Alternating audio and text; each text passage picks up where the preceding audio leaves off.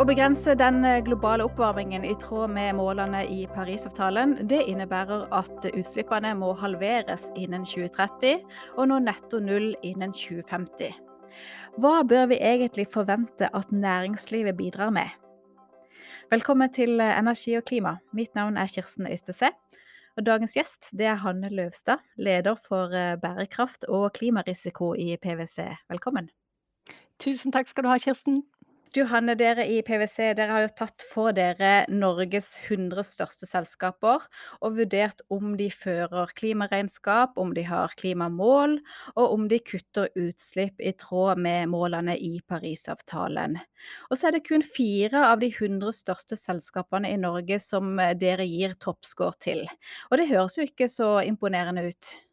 Nei, jeg må jo innrømme at vi var ganske skuffa over uh, årets resultat. Det var jo det samme som i fjor, og vi hadde forventa en forbedring. Og vi hadde òg forventa en uh, koronaeffekt. Men det er jo klart at vi, vi ser jo en forbedring i klimaarbeidet til norske selskaper. Altså det er flere selskaper som har gode klimaregnskap, som gir en god styringsinformasjon. Det er faktisk hele 59% så vi i årets undersøkelse har satt seg kvantitative mål framover. Og over 40% har laga seg en klimastrategi. Så vi ser jo at modenheten er bedre, men vi har på en måte ikke fått ut resultatene ennå. Vi skal komme tilbake litt til disse fire selskapene etter hvert, men, men, for å snakke litt om næringslivet generelt. altså Gjør norske selskaper rett og slett for lite for å være med å bidra til å bremse klimakrisen? Jeg tenker jo at næringslivet de må jo være en drivkraft eh, for den omstillingen eh, vi skal gjennom. Eh, og jeg tenker at de må ha minst like ambisiøse klimamål som Norge sjøl. Så det er litt, litt, avhengig av hvilken sektor du representerer. I noen sektorer så, så er løsningene på plass eh, i forhold til å ta ned klimautslipp. F.eks. transportsektoren, nærtrafikk til sjøs eh, med elektrifisering. Vi eh, har laga en plan for elektrifisering av sokkelen vår. Og så er det andre sektorer der det er mye tyngre å få til disse utslippsreduksjonene. Så det vi gjorde eh, i fjor sammen med Skift, var jo at vi utvikla utslippsbaner fram mot 2030 for alle ulike næringer. Da ser vi jo at det er en forskjell. Noen bør faktisk ha mer ambisiøse mål enn Norge sine klimamål, og noen eh, sliter litt mer med å nå de målene. Men totalt sett så må næringslivet være en drivkraft og sette seg ambisiøse mål i klimaarbeidet sitt. Og du sa at eh, man må forvente like mye av næringslivet som av eh, Norge og som av nasjoner. Betyr det da at alle selskaper uansett størrelse bør ha klimamål som er i tråd med målene i Parisavtalen? Ja, jeg tenker at alle selskaper iallfall må være bevisst sin klimapåvirkning og tenke på utslippsreduserende tiltak i virksomheten sin og i verdikjeden sin.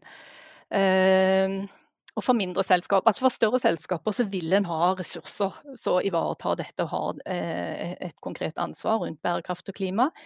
I mindre selskaper så vil en jo ikke ha det, eh, og da tenker jeg at det er viktig at en får hjelp. Og at en får hjelp f.eks. Eh, ja, bransjeforeninger og litt mer sånne generelle eh, tiltak så, så gjelder den sektoren, at en setter seg inn i det.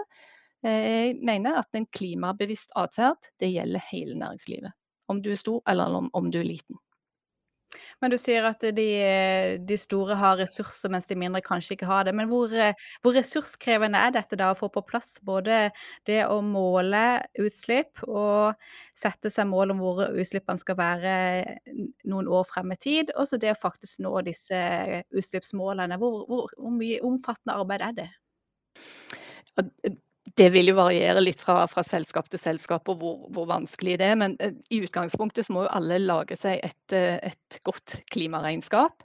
Eh, og for egen virksomhet og på en måte innkjøpt strøm eh, osv., så, så, så er ikke det så vanskelig å gjøre. Det som kanskje er komplekst og vanskelig å få, få tilgang til data på, det er jo utslipp i eh, verdikjeden. Det er mye mer krevende, og det krever jo mer å kutte de utslippene som er i verdikjeden. Men eh, jeg tenker at det er viktig at en gjør dette arbeidet målrettet, at en setter av ressurser til det. Og hvordan er interessen og bevisstheten om, om å gjøre nettopp det i, i næringslivet, da? Altså, hvor, hvor, stor andel av næringslivet i Norge er det som, som prioriterer bærekraftsarbeid og, og klimaarbeid? Nå har jo vi gjort en analyse av de 100 største selskapene i forhold til og tatt litt temperaturen på klimaarbeidet der gjennom å vurdere klimarapporteringen. Og vi ser jo at det er hele 77% som har eh, fått på plass en god baseline, altså har et, et, eh, et klimaregnskap på plass. Eh, men altfor få som har eh, vurdert eh, klimapåvirkningen i leverandørkjeden sin. Så der har han en vei å, vei å gå.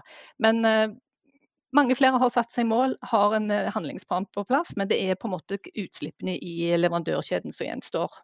Men hvis vi, har, eh, hvis vi sier at vi forventer at næringslivet også skal operere innenfor Parisavtalen, går det da an å ha et mindre ambisiøst mål enn å sikte mot netto null i 2050?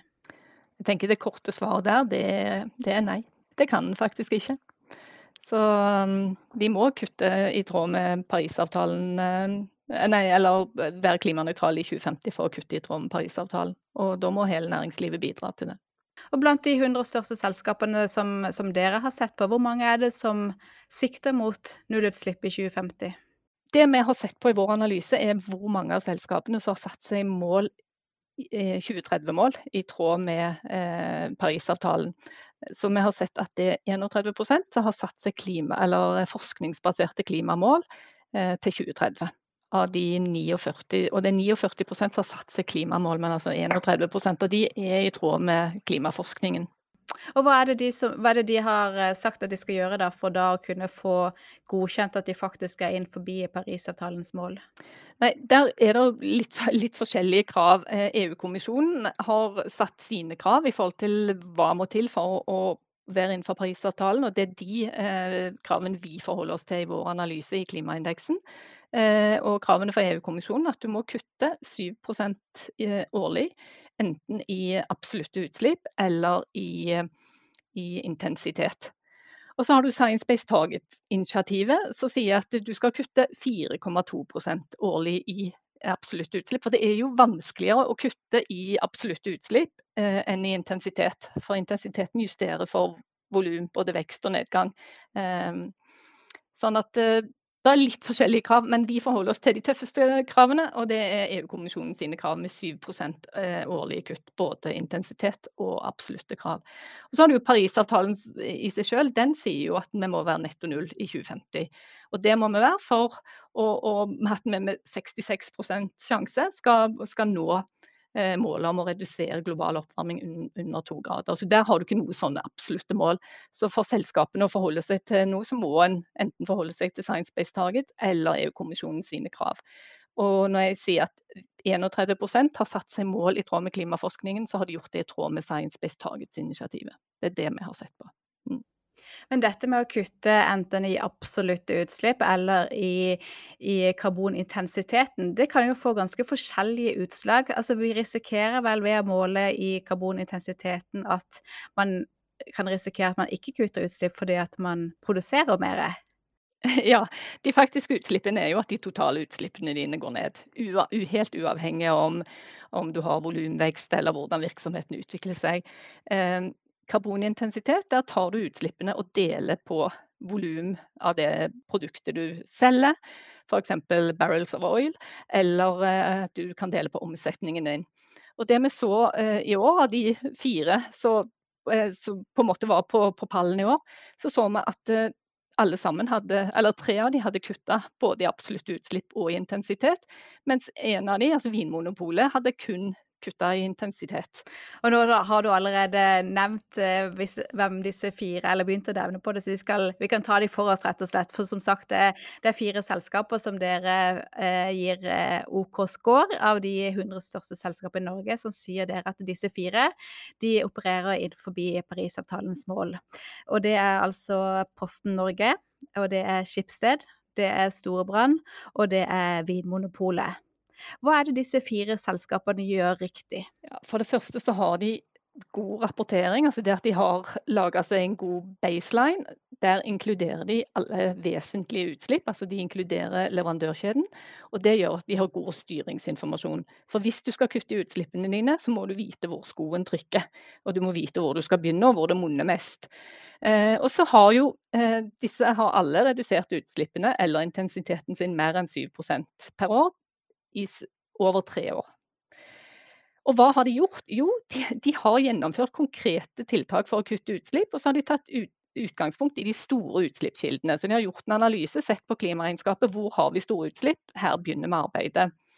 Og så har de òg inkludert eh, vesentlige utslipp i verdikjeden. Og så ser en jo at det er forskjellige tiltak som bidrar i forskjellige sektorer. Sånn som så Storbrann de har gjort endringer i porteføljene sine, altså i, i eh, ja, selskapsporteføljene. Posten har omstilt uh, kjøretøyene til lavutslippskjøretøy, uh, både egne og stilt krav til leverandørene sine. Skipsted har fokusert på energibruken sin og, uh, og å ta ned energibruk i datasenter og, og bruk av fornybar energi der. Og så har du Vinmonopolet som har satsa på klimasmart emballasje, og ikke minst på å omstille porteføljen, altså hvilke produkter er det folk kjøper. At de kjøper altså produkter på lettvektsflasker. Så de har gjort en, altså aktivt påvirka porteføljestyringen og, og, hvilke produkter som selges mest av. Så en må kjenne businessen sin godt, og en må ha et godt klimaregnskap på baseline og se på hvor er de store utslippene, og så må en begynne der. Det tenker jeg er det som karakteriserer disse fire. Og så har du vært inne på dette med direkte utslipp og indirekte utslipp. Og her kan jo folk bli litt forvirra og lure på hvor, hvor, del, hvor stor del av utslippene har man egentlig ansvar for? Ja, noen vil jo si at en har utslipp for de direkte utslippene. Altså det som kommer fra egen virksomhet, og den, den strømmen en bruker, altså energien en kjøper inn. Eh, men vi eh, eller vi mener jo at du har et mye større ansvar. At det, den klimapåvirkningen du har, den gjelder hele verdikjeden din. Og det må du ta med for å se hva slags klimapåvirkning du har, og, og hvordan du på en måte kan bistå til, til, å ta ned utslippene der. For det vi ser da, og det vi har sett i vår analyse, er jo at hele 90% av utslippene til, til ulike sektorer på, i snitt ligger i verdikjeden bare 10 i egen, altså egen, egne direkte utslipp. Og at altså de indirekte utslippene i verdikjeden er ti ganger større enn dine direkte utslipp. Og det klart Du har jo en påvirkning på hvilke leverandører du velger, hvilke varer du importerer. altså hvilke innsatsfaktorer du har i produksjonen din. Her kan du påvirke. Du kan stille krav til leverandører, du kan eh, endre på eh, innsatsfaktorer og forretningsmodell. Så helt klart et ansvar for å ta, se på hele verdikjeden. Og her sier dere at eh, dere i hvert fall mener man skal se på de vesentlige indirekte utslippene. Går det an å forklare hva som er vesentlige og hva som er uvesentlige i verdikjeden? Ja, her trenger en jo, jo, litt hjelp. Men uh, det som Science Based Targets-initiativet sier, er jo at uh, en skal ta med alle utslipp i verdikjeden hvis de utgjør mer enn 40% av de totale utslippene til et selskap. Så det er jo på en måte en sånn um, en hjelp til, til, til, å vurdere hvilke utslipp som skal med. Men jeg tenker det viktigste er jo å kartlegge disse utslippene og se på størrelsen, og så ta en de største først. Og så vil en altså se for de fleste sektorer Vi har, vi har kikka på litt forskjellige sektorer. For finanssektoren så ligger jo nesten alle utslippene i, eh, i såkalt scope 3, eller i verdikjeden. 99 eh, ligger i selskapene i enten investeringsporteføljen eller låneporteføljene. Eh, for varehandelen så ligger 90% av utslippene i knytta til eh, produksjonen og transporten av de varene en eh, tar inn og selger. Og for olje- og gassektoren så ligger jo eh, 95% av utslippene i bruken av produktene. Så som sagt, 90% i snitt av utslippene ligger altså i leverandør- og verdikjeden til et selskap. Kjempeviktig å ta det med. Og det er jo òg viktig for, for selskapene sjøl for å for å vurdere har han en robust forretningsmodell for framtiden. Har han en verdikjede som faktisk er levedyktig i overgangen til et lav, lavutslippssamfunn. Eh, så jeg tenker at Det er ekstremt viktig for å sikre framtidig konkurransekraft. Dere har sett på de 100 største selskapene og sett at eh, de aller fleste ikke gjør nok. Kan du si noe generelt om hva det er som mangler, og hva er det vi ikke er gode nok til? Nei, ja, en av de tingene vi ikke er gode nok til, er nettopp det som jeg har snakka mye om. Nettopp det å inkludere vurderinger på hele verdikjeden og ta ned utslippene der. Og så er det jo òg det å få liksom planer, altså fra, gå fra strategi til handling, da, eller komme, en har satt seg mål. Mange har satt seg en klima, eller laga seg en klimastrategi. Nå handler det om implementering, og en må få opp tempoet. Så jeg tenker det går for seint. Selv om en har på plass gode styringsverktøy og satt mål, så, så går det rett og slett for seint. En, en, må være litt tøff, en må våge å investere i eh, løsninger som tar ned, altså dekarboniserer virksomheten. Går det for seint i alle bransjer og alle næringer? Det er litt forskjellig, faktisk. Eh, vi, vi kikka litt på de ulike sektorene, hvem som har kutta mest. og det eh, Finanssektoren er den sektoren som har kutta mest. og kan si at De har kanskje den enkleste jobben i forhold til å selskaper inn og ut av porteføljene sine. Vi har sett at havbrukssektoren òg eh, har tatt ned utslippene sine. De har òg kutta betydelig. og Jeg tror de har hatt veldig fokus på nettopp eh, verdikjeden. De har hatt store utslipp knytta til fôr og til transport. Så det er de to sektorene som har kutta mest. Og så er det varehandelen som har kutta minst. Og hva, hva, skyldes det, da? Hva er, det, hva er grunnen til at de henger etter? Jeg tror nok at det, det er vanskeligere i forhold til å på, styre produksjonen av de produktene de på en måte importerer og selger. At leverandørkjedestyringen det er en utfordring. Mm. Og de importerer jo produkter fra hele verden. Og kan det være at det er litt, eh, litt vår forbrukeres skyld også, at de, de, importerer det vi etterspør, at vi ikke som forbrukere ikke er flinke nok til å etterspørre eller stille krav til både hvor ting er produsert, og hvordan ting er produsert, og hvilke materialer de er produsert av. Ja, det, du tar opp et kjempeviktig poeng. Altså, noe av hovedutfordringen er jo nettopp Vi i Norge vi er et rikt land, vi har et høyt forbruk. Vi kjøper mye, mye varer fra, som er produsert i andre deler av verden, spesielt eh, f.eks. i Asia. Eh, vi er opp, veldig opptatt av pris i Norge, så vi kjøper billige varer. Så jeg tenker at eh, vi må stille altså vi, For det første må vi ta ned forbruket vårt, og så må vi stille mer krav til kvalitet og stille krav til hvor varene er produsert. Tenke mer på å kjøpe det som er altså, produsert nært. Eh, det er mye mer bærekraftig. Hvis vi ser til eh, sammenlignbare land, altså hvor flinke er norske selskaper til å ta klimaansvar og sette seg mål og kutte utslipp, hvis vi, hvis vi sammenligner med Danmark og Sverige, som vi ofte pleier å sammenligne oss med, da? Ja, jeg oppfatter nok at næringslivet er kommet lenger i nabolandene våre enn det er kommet inn i Norge. Eh, og det tror jeg òg har å gjøre litt med klimapolitikken i de landene. Altså både Danmark og Sverige har mer ambisiøse klimamål enn Norge. Danmark har mål om 70% reduksjon av klimautslipp innen 2030, og Sverige har satt en ambisjon om netto null i 2045. Så de har på en måte satt seg mer, ambisiøse klimamål enn EU, og vi følger jo, følger jo EU og litt mer det vi må følge. Så på den ene så Næringslivet i naboland er nok mer modent, jeg oppfatter det. og vi ser jo òg til um, at, de har, at, de setter seg mer hårete mål i næringslivet og samarbeider mer på tvers av sektorer. Det skulle jeg ønske jeg hadde sett mer av i Norge. Et veldig godt eksempel fra Sverige er jo hybridsamarbeidet eh, mellom tre industriselskaper, eller to industriselskaper, SSAB og LKAB, og Vattenfall, som er på en måte den største kraftprodusenten i Sverige, tilsvarende vår Statkraft. De har jo inngått et veldig ambisiøst samarbeid om å produsere utslippsfritt stål, og de har allerede på en måte produsert det første utslippsfrie stålet. Og jeg skulle ønske at jeg så den type samarbeid i Norge innen industrien i stedet for at vi på en måte er veldig opptatt av å stille krav til andre, eh, opprettholde egne vilkår sånn som de er i dag. Jeg, jeg tror vi må tenke samarbeid på en annen måte, så, så gagner flere enn én sektor alene. Eh, og som kan, kan, bidra til næringsutvikling på, altså ny type næringsutvikling på tvers av sektorer. Og det trenger vi jo virkelig i Norge. Så jeg tror at industrien er flinkere til å samarbeide på tvers, og i alle fall i Sverige ser vi det. Er det noen spesielle man kunne sendt denne oppfordringen til, så du ser at det har et uh, betydelig potensial til å, til å, gå i front da, og ta initiativ til den type samarbeid? Ja, jeg tenker jo at uh, kraftkrevende industri og fornybarnæringen at de må, må tenke litt mer sammen.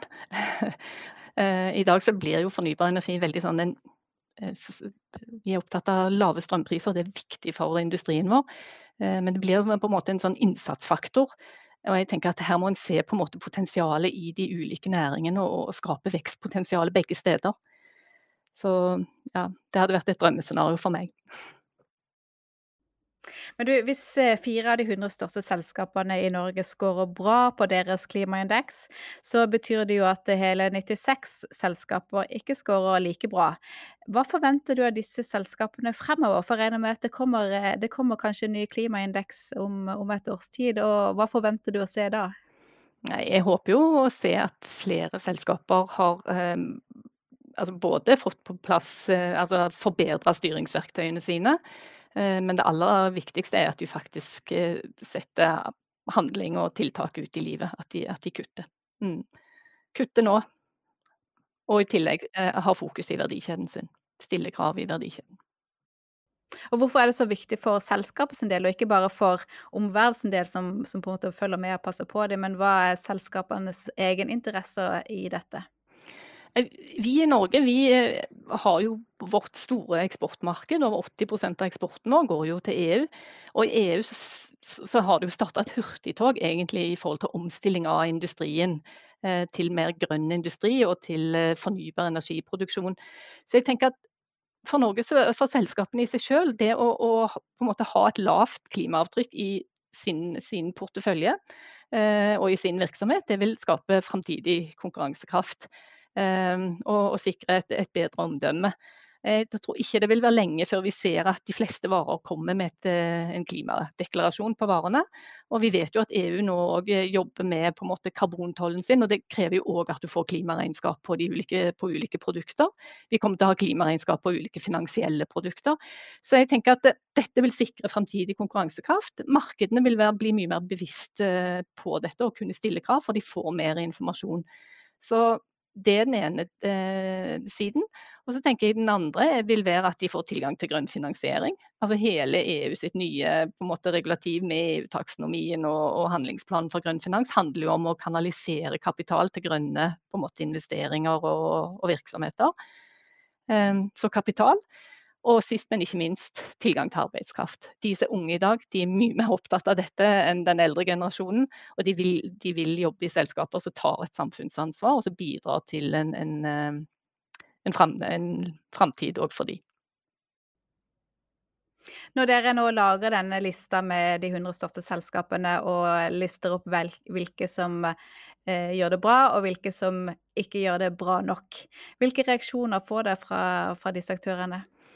Nei, det er klart at eh, de på toppen syns jo dette er veldig positivt å bli løfta fram.